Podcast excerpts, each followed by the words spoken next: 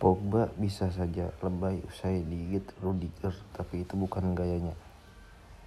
Bek Prancis Rafael Varane berkelakar usai Paul Pogba digigit Antonio Rudiger. Sikap Pogba karena tidak bereaksi berlebihan mendapat pujian. Kemenangan Prancis atas Jerman 1-0 di laga grup F Piala Eropa 2020 diwarnai kontroversi. Di penghujung babak pertama, Rudiger mendekatkan mulutnya ke punggung Pogba yang berdiri di depannya. Pada saat pada satu momen bek tengah Jerman tersebut terekam kamera televisi menggigit punggung Pogba yang direspon dengan cengir kesakitan. Kejadian itu lolos dari pengamatan wasit sedangkan Pogba tidak mendesak agar Rudiger dihukum.